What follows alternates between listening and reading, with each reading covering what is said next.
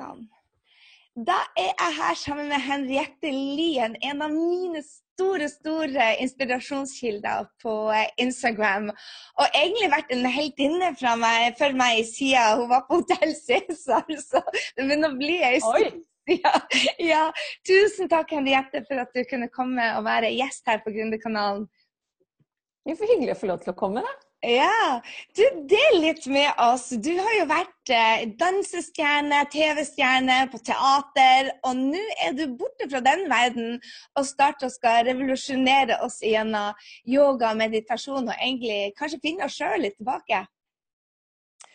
Ja, altså jeg tenker jo at jeg har jo verken noe rett eller noe eh, noe jeg skulle sagt i forhold til å forandre folks eh, vei eller ambisjon eller ønske for livet. men jeg har kommet såpass langt i mitt eget liv og at, som du innledningsvis har sagt, tatt så mange svinger både til høyre og venstre og ganske lite rett fram. Sånn at jeg tenker jo det at hvis min erfaring eller min eh, vurdering eller skråblikk på ting kan kanskje hjelpe noen til å gi det et lite tupp i rumpa hvis de trenger det, eller på en eller annen måte være inspirasjon, så er det i hvert fall hyggelig å kunne dele da, den erfaringen jeg har eh, fått i løpet av dette livet mitt. Ja, hva gjorde det at du faktisk tok sånne krumspring og forsvant ut av rampelyset? Jeg har egentlig ikke gjort det noe sånn bevisst, men mitt liv har all, altså det eneste som var planlagt, var det at jeg ønsket å bli danser, og det ble jeg. Og alt annet etter det har egentlig blitt til etter hvert som jeg har levd, og det har blitt til ved at jeg har fått sjanser, jeg har fått muligheter, og jeg tror kanskje jeg er litt flink til å ta de sjansene jeg får. Jeg er ikke så veldig redd, sånn at um, jeg tenker veldig sjelden Nei, men får jeg til det, da? Så tenker jeg ok, jeg får prøve, går jeg på ræva, så går jeg på ræva. Det er ikke noe verre enn det. Sånn at jeg har ikke tatt noe skritt verken den ene eller andre veien, og det er fullt mulig at jeg jobber i TV eller radio eller igjen, men akkurat nå så gjør jeg det ikke.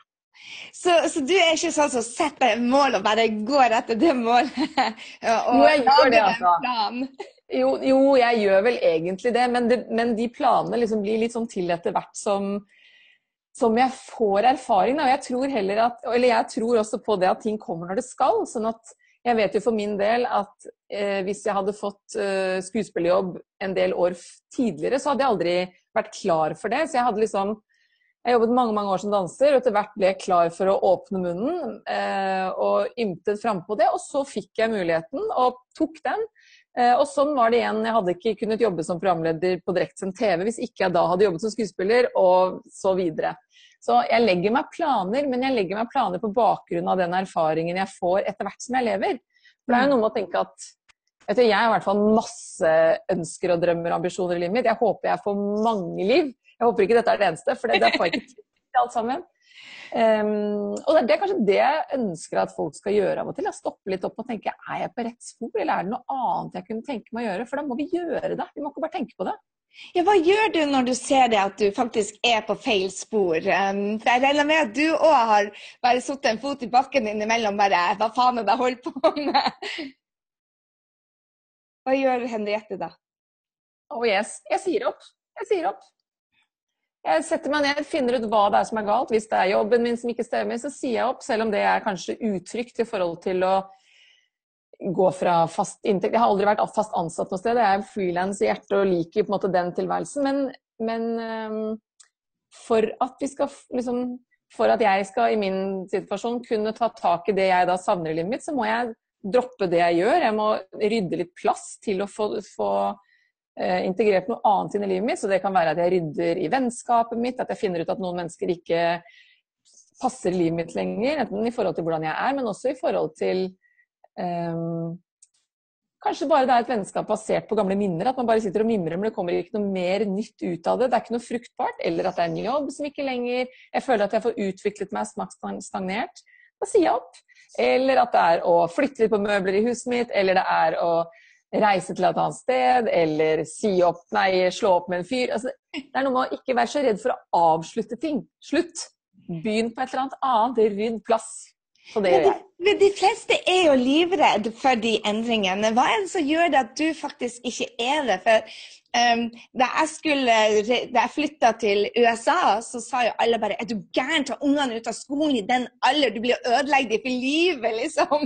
Og det gjorde jo at mm. jeg stoppa opp og tenkte bare Gud, hva tror hvis jeg ødelegger? Hva tror hvis de er riktige? Og nå gikk jo vi på en skikkelig smell, og da tenkte jeg bare de hadde rett, jeg skulle aldri ha ødelagt barna mine for livet. Så, så du får jo litt av den der angsten servert ut av samfunnet på en eller annen måte. Hva gjør det at du faktisk tør å si opp og slå opp og, og droppe de tingene som, de, som veldig mange eh, er veldig redd for. Hva, hva, gjør det at du har det motet i deg? Jeg tror det er et karaktertrekk. Jeg bryr meg ikke så innmari om hva andre sier. Jeg, jeg er ikke så jeg, jeg, føler ikke at jeg trenger andres bekreftelse på at mine valg er riktig. Eh, og sånn har jeg egentlig alltid vært fra jeg var liten. Og det, tidligere i livet så har jeg jo heller blitt sett på som litt sær. Etter hvert så kanskje det er mer en styrke, men som barn, og når du liksom må bli trøkket inn i den samme malen som alle skal, og man blir sett på som litt vanskelig å ha med å gjøre, lite imøtekommende eh, som barn, fordi da, da, skal alle ditt eller datt. Men etter hvert som man er voksen, så heldigvis så har man evnen til å og rettighetene til å bestemme selv. Men, eh, men jeg tenker for de som eventuelt er engstelige, så er det noe med å sette seg ned også og tenke litt på hva er det jeg er så redd for. Er det da frykten for hva andre måtte mene om det jeg gjør, og hvorfor er det så viktig at alle andre er enig i de valgene jeg tar? Hvorfor er det så viktig at min prioritering skal anerkjennes av alle andre? Og så tror jeg også det at den reaksjonen som eventuelt du fikk, eller andre får, når de virkelig tør å ta et så stort steg som det å flytte til et annet land, så tror jeg det er utrolig mange som skulle ønske at de hadde baller nok til å gjøre akkurat det samme selv. Og ved at du gjorde det, så trigger det et eller annet i dem som, som liksom som gjør at de selv kjenner på 'jeg tør ikke', 'hun tør faktisk', 'jeg tør ikke'. Og da er det lettere å kritisere og prøve kanskje å holde dette tøffe mennesket litt nede på plass. Så skjedde det ikke noe forandring som gjør at de også må vurdere 'hva med meg', da? Uh, Istedenfor at man faktisk sier klin til, kom igjen, gå for det hvis det er det du ønsker. Og Det er kanskje det jeg savner litt, at vi, at vi backer hverandre litt opp. og at vi at vi, vi, trenger ikke å fortelle at vi er uenige hele tiden. Det er ganske irrelevant om noen er uenig i ditt valg. Hvis det er riktig for deg, så kjempekult. Og om du går på snørra, om det er noen utfordringer, så betyr jo ikke det at det var gal avgjørelse. Hele livet er fullt av utfordringer. Ingen som sklir gjennom på en sky. Og Det er det jeg syns er så herlig med den eh, Instagram-kontoen din. Du, du, tør å si det som de andre eh, kanskje, eller som veldig mange tenker, men ikke sier høyt fordi at man skal holde fasade. Tror du det er typisk norsk, eller tror du at det er sånn eh, at vi, vi liksom blir indoktrinert gjennom skolesystemene? Og, eller Man snakker jo mye om janteloven, det er vel det jeg fisker etter. Tror du på janteloven? Altså, janteloven eksisterer 100% i oss alle. Det tror jeg ikke vi, Og det gjør sikkert det i andre land også. De kaller den bare noe annet. Yeah. Og jeg tror det er, å, det er lett å disse det vi har her hjemme. Jeg gjør det masse selv, øh, og jeg må prøve liksom å snu rundt og fokusere på det som er bra.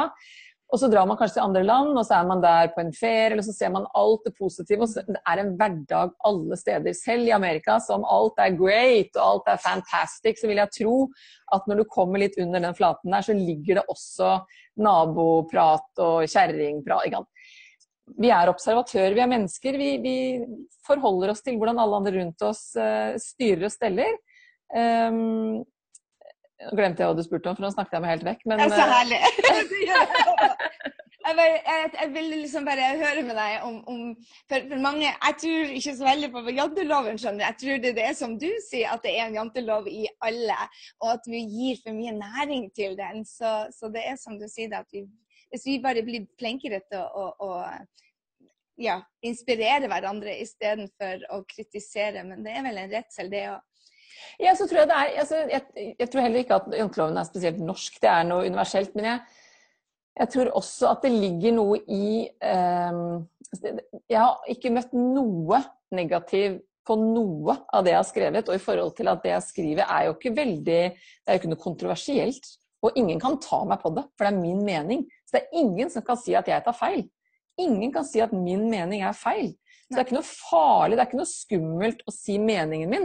Det er klart jeg må tåle at noen sier ja, men det er ikke jeg enig i. Nei, men det er fint, det. Det er helt greit. Det. Og vi kan velge å ha en fruktbar diskusjon, eller så kan vi bare være enige om at vi er uenige. Men, øh, og det er kanskje det som er problemet, at vi skal være så jævla enige hele tiden. Jeg er helt enig. Så, så du får ikke noe hatmailer og, og sånn nettroll? Nei. Ingenting. Det er helt Jeg fantastisk. fikk det mye mer da jeg var skuespiller eller programleder og sånne ting.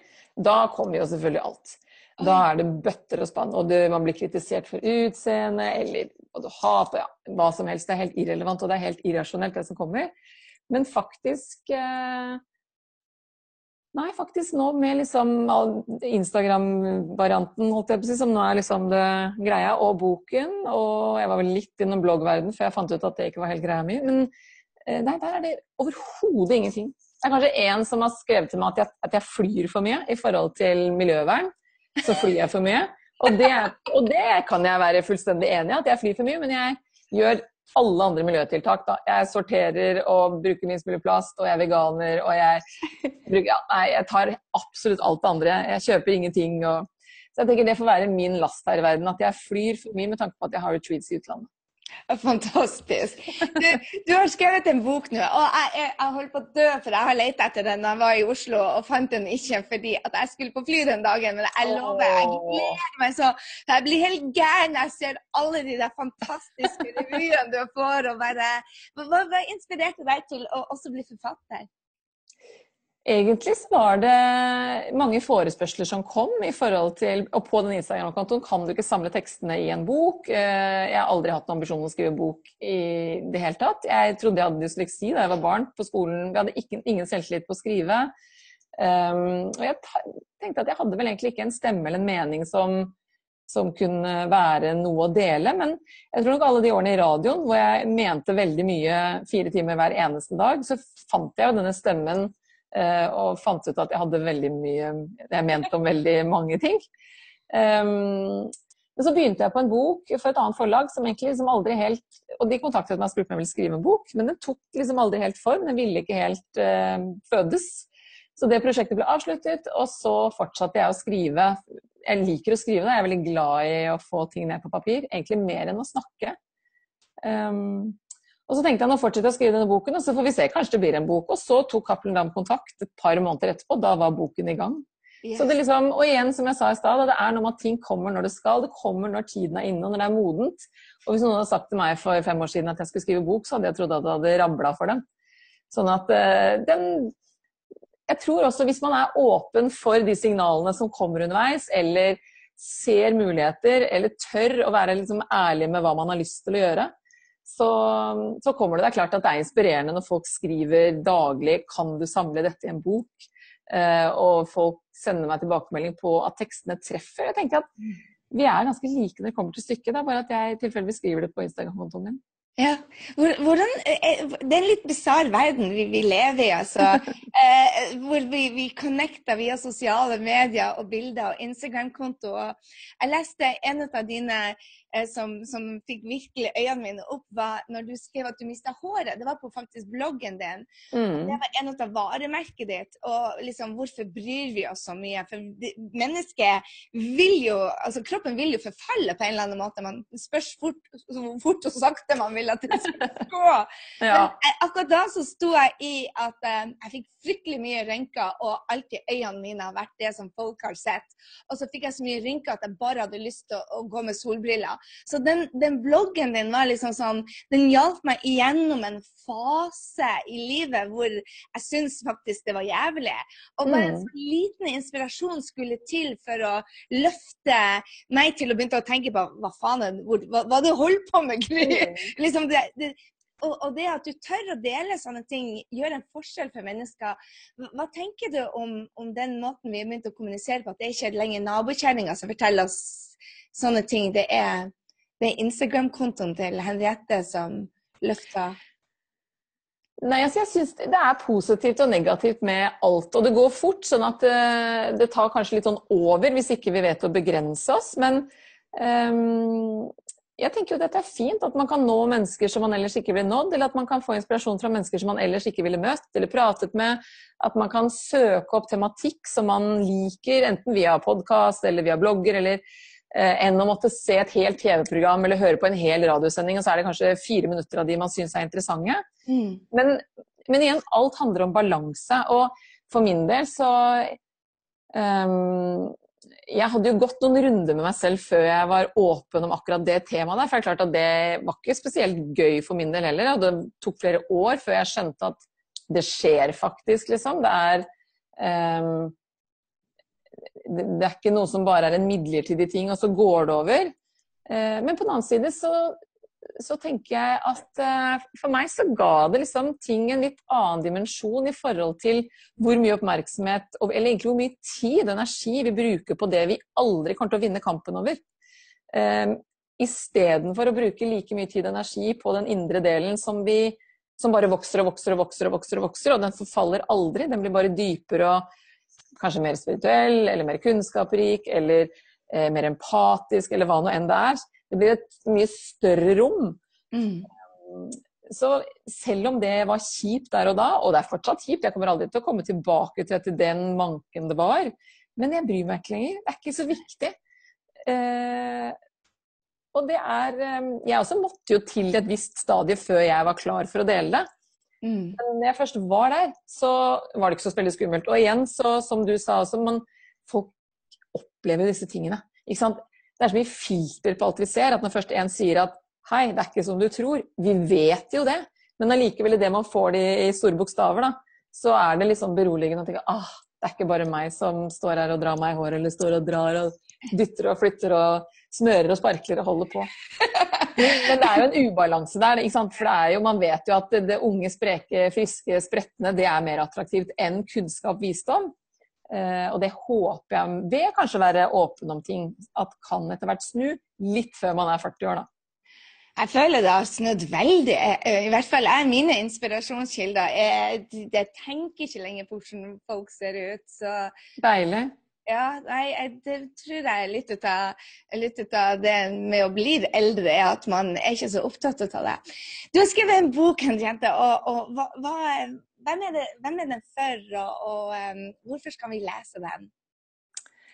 Den er for eh, Ja, hvem er den egentlig for? Den er for um, Kanskje for det Jeg tror nok det appellerer mer til kvinner enn til menn, men jeg skal ikke begrense det eh, for andre. Det får andre bestemme. Men um, Instagram-kontoen min så er det bare kvinner som får følge meg. Så det har på en måte blitt litt den Det er de jeg sånn fra hjertet snakker til. Ja, ja kunden. Ja, og så tenker jeg også for min del så tror jeg at uh, gutta helt sikkert sine greier de må finne ut av å gå gjennom.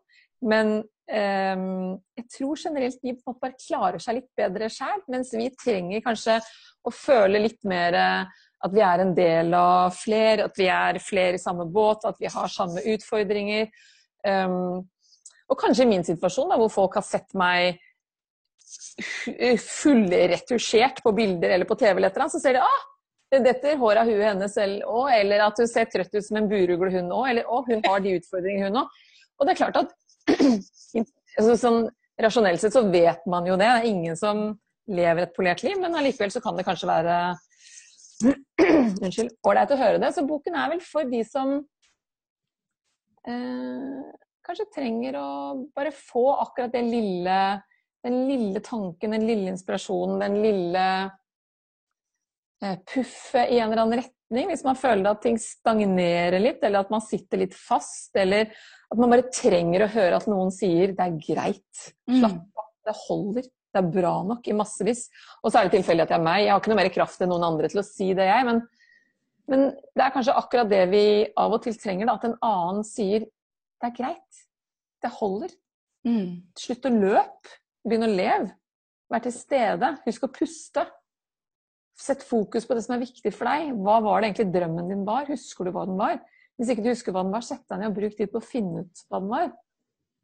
Det er noe med liksom bare at vi kan hjelpe hverandre til å akseptere det som er, og ikke hele tiden kjempe mot um, enten en utvikling eller et forfall eller en uh, progresjon man ikke liker, eller ikke minst det at vi kanskje lever et liv, veldig mange, som er hvor rammene og reglene er satt av alle andre enn oss selv. Mm. Så det er kanskje de som føler at de trenger et lite pådytt og samtidig så føles det helt feil å si at jeg skal være den personen som gjør det, for det, jeg har mine ting. Og de tekstene skriver jeg vel så mye til meg selv som til noen andre. Så jeg snakker jo til meg selv også. Ja. Jeg, jeg, da jeg flytta fra Norge, det begynner faktisk å bli ni år siden, så flytta jeg mye ut av grunnen til det at det ble så utrolig å være Det var så populært å være populær. Så du skulle helst ha planlagt livet ditt i tre måneder. Å nei, vi kan ikke treffes, vi har hytteturer lina opp hele tida, og jeg er så travel og skal dit og skal dit. Mm. Og, og, det var så imot det jeg trodde på, så jeg flytta til Frankrike, for der hadde alle tid hele tida. Så, så deilig. Så, så, men, men det, var, det, passer meg heller ikke. Så det er liksom Når, når, jeg, når jeg, er på kontoen din, så får jeg uh, får en sånn der, Det er OK å være travel innimellom, og det er OK å slappe av innimellom. Så du, det virker som om du har en veldig god balanse i den travelheten og i den uh, den roen i deg. Hva er det som gjør at du tar Når er det du tar de valgene om å stoppe helt opp? Og hva er det som gjør det at du kjenner etter på kroppen din? For jeg, jeg spør for min egen del, jeg bruker det som coachen min her. fordi at innimellom så er det så full fart at du ikke er i kontakt med deg sjøl. Eh, hvordan er det du klarer å roe ned før du treffer den berømte veggen, eller må ut av det forholdet, og, og det er kommet for langt, rett og slett? Jeg har nå møtt veggen et par ganger. da. Jeg har vel på en måte gått i veggen virkelig et par ganger, jeg også, og kjent på det. Um, og det er jo litt på bakgrunn av den erfaringen som jeg da gjorde de to rundene, hvor det både var små barn og altfor mye jobb fordi jeg elsker jobben min, og så skal man prøve å være kjæreste og venninne og gud veit hva, egentlig. Men um, for folk flest, og det jeg også må gjøre hele veien, er å prioritere. Jeg er ikke så veldig sosial, og jeg er ikke så, jeg er ikke så opptatt av å være til stede og liksom være på alle greier og har vært der og vet at det er ikke så gøy som det ser ut som. Det, um, det, er mye tilsynelatende riktig over det, men, men uh, ny kjole, nye høye hæler og samme menneskene, liksom. Det, jeg vet ikke. Så min prioritering er ganske stram, da. Um, jeg reiser mye, så jeg prioriterer ganske stramt når jeg først er hjemme. Så er det barn og familie som på en måte kommer først, uansett. Men så i hverdagen så handler egentlig disponeringen av dagen min eh, For jeg har jo ingen dager som er like, og jeg, ingen uker som er like. Men jeg har alltid et, eh, et, et, ganske stort gap mellom avtalene mine. Så det er ikke sånn at jeg avtaler back to back. Så hvis jeg er ferdig med et møte klokken tolv, så skal jeg ikke ha neste avtale før kanskje halv to. For hvis den da er halv ett, så vet jeg at hvis det første møtet blir forsinket, så har jeg hjertet i halsen hele resten av den dagen. Så det er noe med å liksom putte sånne klare pauser, også for å gjøre meg liksom mentalt ferdig i det møtet jeg har vært. Og kunne mentalt forberede meg på det jeg skal inn i. Enten det er å kanskje hente barn, at jeg legger jobben fra meg, nå er jeg fullt og helt hjemme. Eller gå tur med bikkja, eller undervise, eller hva nå enn det er. Og det i hvert fall hjelper meg til ikke å hele tiden ha en sånn hektiskhet over dagene mine. Og så er jeg helt ko-ko på det å gjøre én ting av gangen. Eh, altså jeg gjør kun én ting av gangen. Eh, når jeg lager mat, så kanskje kjæresten min ringer meg og vil prate. Ja, men jeg lager mat. Ja, men kan du ikke ta propp i øret, da? Nei, jeg lager mat. Ja, men Og der Det skjer ikke. Jeg gjør ikke to wow. ting på en gang. Wow, det er ikke noe verdi i noen av delene. Jeg er ikke til stede i verken det ene eller det andre. Og så får jeg ikke gjort noe mer heller. Jeg får bare ikke gjort noen ting ordentlig. Ja, det er så, genialt. Ja, så, så jeg, jeg, ja, jeg, er ikke så føybar da, på andres uh, krav. Hvis jeg er ferdig med en fest klokka tolv, så går jeg hjem klokka tolv. Jeg blir ikke der til halv tre bare for å være høflig. Jeg er ikke så veldig høflig. Jeg er egentlig veldig lite høflig. Så det som da kanskje var, som du sa i innledninga, som var kanskje din negative trekk når man skal passe inn i et mønster, det blir din største styrke i livet senere. For meg gjør det jo det, men jeg, for mine medmennesker kan det godt hende at de fortsatt syns det er et fryktelig sært trekk. Men for meg, i forhold til å kunne ivareta balansen og ta vare på meg og mitt, eh, så er det det. Og jeg vet at jeg må ha masse alenetid. Sånn er det bare. Hvis ikke jeg får det, så mister jeg meg selv. Ja. Og da må jeg gå på tur med bikkja alene, uten telefon. Eller gå hjem hit og sitte hjemme i sofaen og drikke te en time før barna kommer hjem. Jeg må bare booke det inn som et møte med meg selv, da, som jeg har et møte med deg nå, eller med mm. andre mennesker. Ja.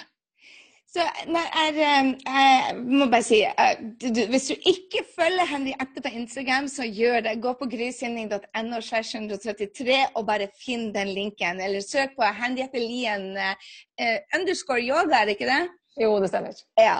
Altså, du, du, får meg til å reflektere. Jeg hadde booka back to back, og så så den posten din, og så fikk jeg en reminder på at du er stressa hver eneste gang når du har vekk-til-vekk-møter. Og det er sånne enkle ting som virkelig redder hverdagen min.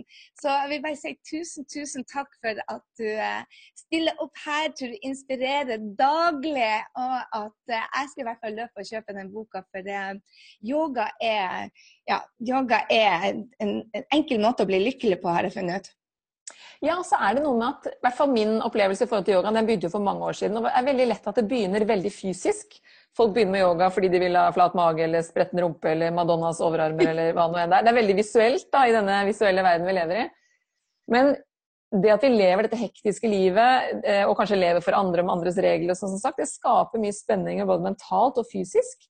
Og idet disse spenningene begynner å slippe litt tak, så begynner overskudd i forhold til å liksom å kunne se seg selv litt utenfra og bli litt bedre kjent med seg selv. Den balansen begynner å komme, og etter hvert som balansen i deg selv kommer, så begynner du kanskje også å ha overskudd til å kunne se litt andres kamp. da. Sånn at når noen bjeffer til meg, så vet jeg at det er ikke meg de bjeffer på, de er i en eller annen kamp.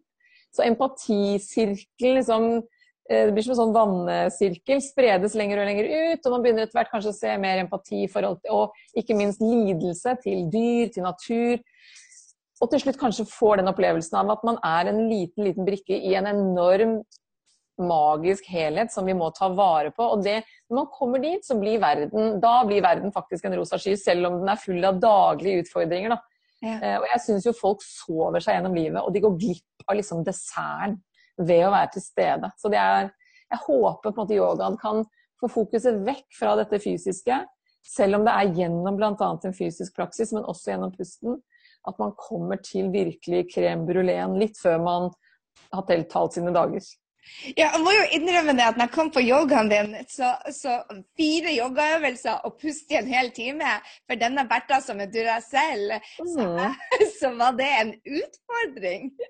Det er jo det. Det er en utfordring å stoppe på. Det var jo en, en yin-time. sånn at det er klart at da skal man roe nervesystemet og roe eller stimulere bindevev og gjøre andre ting. Men både yin og yang er viktig. Begge deler er viktig. Men det som kanskje da er liksom nøkkelen til det, er jo hvis du har en veldig hektisk dag, eller du har en hektisk periode i livet, så er det kanskje ikke 90 minutter med dynamisk yoga du trenger hver dag. Eller spinning, eller løping, eller aerobic. Men det er ofte når du har denne yang-energien gående i kroppen, så blir du tiltrukket av andre yang-ting. Mm. Eller omvendt, hvis du har lav energi, tiltaksløs, får liksom ikke ræva i gir, da trenger du faktisk kanskje å løpe deg en tur. Mm. Så det å virkelig lære seg til å lytte og kjenne hva er det jeg trenger nå til å veie opp og til å utligne den energien jeg har for mye av, det er da vi klarer å finne balanse. Og det er en bevissthet og en bevisstgjøring. Så når du har Duracell-dagene dine, så er det kanskje ikke 90 minutter yoga du trenger, som er dynamisk. Nei. Kanskje bare legge deg ned på matten og kjenne at du faktisk er til stede og puste. Kanskje mm. det holder. Ja, har du, har du alltid vært spirituell? Helt fra du var lita, eller er det kommet med årene? Jeg tror kanskje jeg har vært det uten å være bevisst på hva det var. Det er jo noe med at idet vi blir voksne, så, skal, så, definerer man ting mer og putter ord på hva det er og sånne ting. Men, men, jeg har alltid hatt veldig mye behov for veldig mye tid for meg selv og til mine egne tanker. Til meg og mitt. Men jeg kunne ikke sette ord på hva det var. Mm. Um, Sånn at eh, jeg vet egentlig ikke. Det har vel sklidd over i løpet av at jeg har blitt voksen og blitt bevisst på at nå er det en reise jeg konkret ønsker, og den tar større og større plass. Og indre, det indre livet mitt er jo tidvis større enn det ytre. Mm. Så det har nok ligget der hele veien, men, men eh, blitt litt fortrengt og litt trøkka litt ned i denne kommersielle yrkesveien jeg valgte i veldig mange år, hvor det var veldig høye hæler og boa og masse sminke og danser og høye hæler. Og... Tenk rart for makeup, sier nå jeg. ja da. ikke sant. Og man skal ha det gøy og alt. Man skal ikke bare sitte og puste og gnukke og gøy. Livet er til for å ha det gøy. Men man må ta vare på seg selv underveis, sånn at mm. livet faktisk blir gøy. Så hvis du skulle til lytterne gi et tips til hvor de skal starte praksisen sin, hvis de ikke har en spirituell praksis, hvor ville du ha starta? Det kommer jo liksom ofte an på hvor man bor, eller eh, om det er noen begrensninger fysisk. Men det jeg tenker at alle uansett kan begynne med, er Og det høres liksom kanskje kjedelig ut for folk som ikke eh, har tatt sitt første skritt inn i det, men rett og slett å sette seg ned og puste. Mm. Så vanskelig og så enkelt som det. Og når du da har begynt å kjenne på pusten, og da begynne å observere den der apekatten som sitter og snakker til deg hele tiden. Eh, fordi veldig mange har, vi har, Så lenge vi har puls, så vil vi ha tanker. Vi har fått den hjernen til å tenke. Så det er ikke noe gærent i det. Men for veldig mange mennesker så tror jeg tankene deres er sannheten deres. Og det ligger ingen sannhet i tanker. Det er, det er en tanke. Så idet man klarer å ta de to skrittene tilbake fra sin egen tanke, og tenke 'jøss, yes, der kom det en tanke', så vil denne tanken som kanskje en gang har vært en sannhet, og, og til og med satt en begrensning for deg, miste litt kraften sin. Mm. Mange, mange, har negative tanker om seg selv, eller om kroppen sin, eller om sitt eget bidrag, eller hvor god mor de er, eller hvordan, hvordan de jobber, eller hva enn det er for noe. Og idet man da klarer å ta den lille avstanden og tenke men det er faktisk ikke fakta, det som kommer til overflaten i hodet mitt, det er bare en tanke.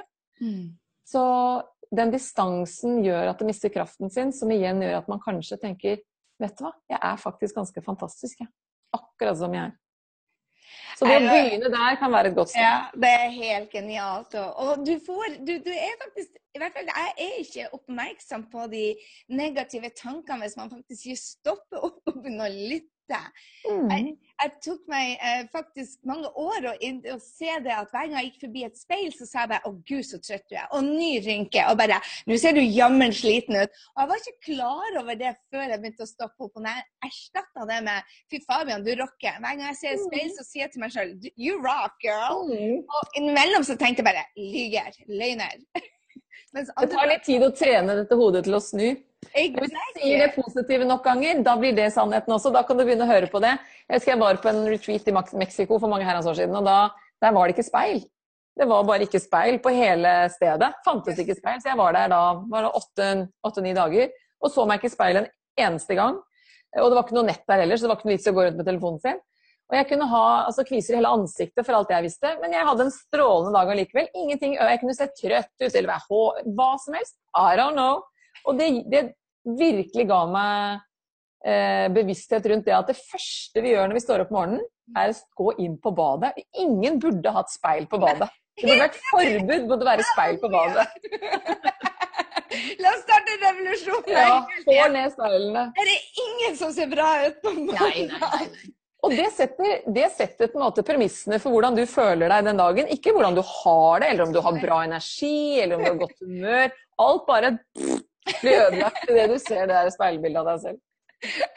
Med den sier jeg tusen hjertelig takk, Henriette. Du er bare fantastisk. Og følg Henriette på Instagram, for det er virkelig en daglig oppvåkning, i hvert fall for denne jenta. Tusen, tusen takk, Henriette. Selv takk.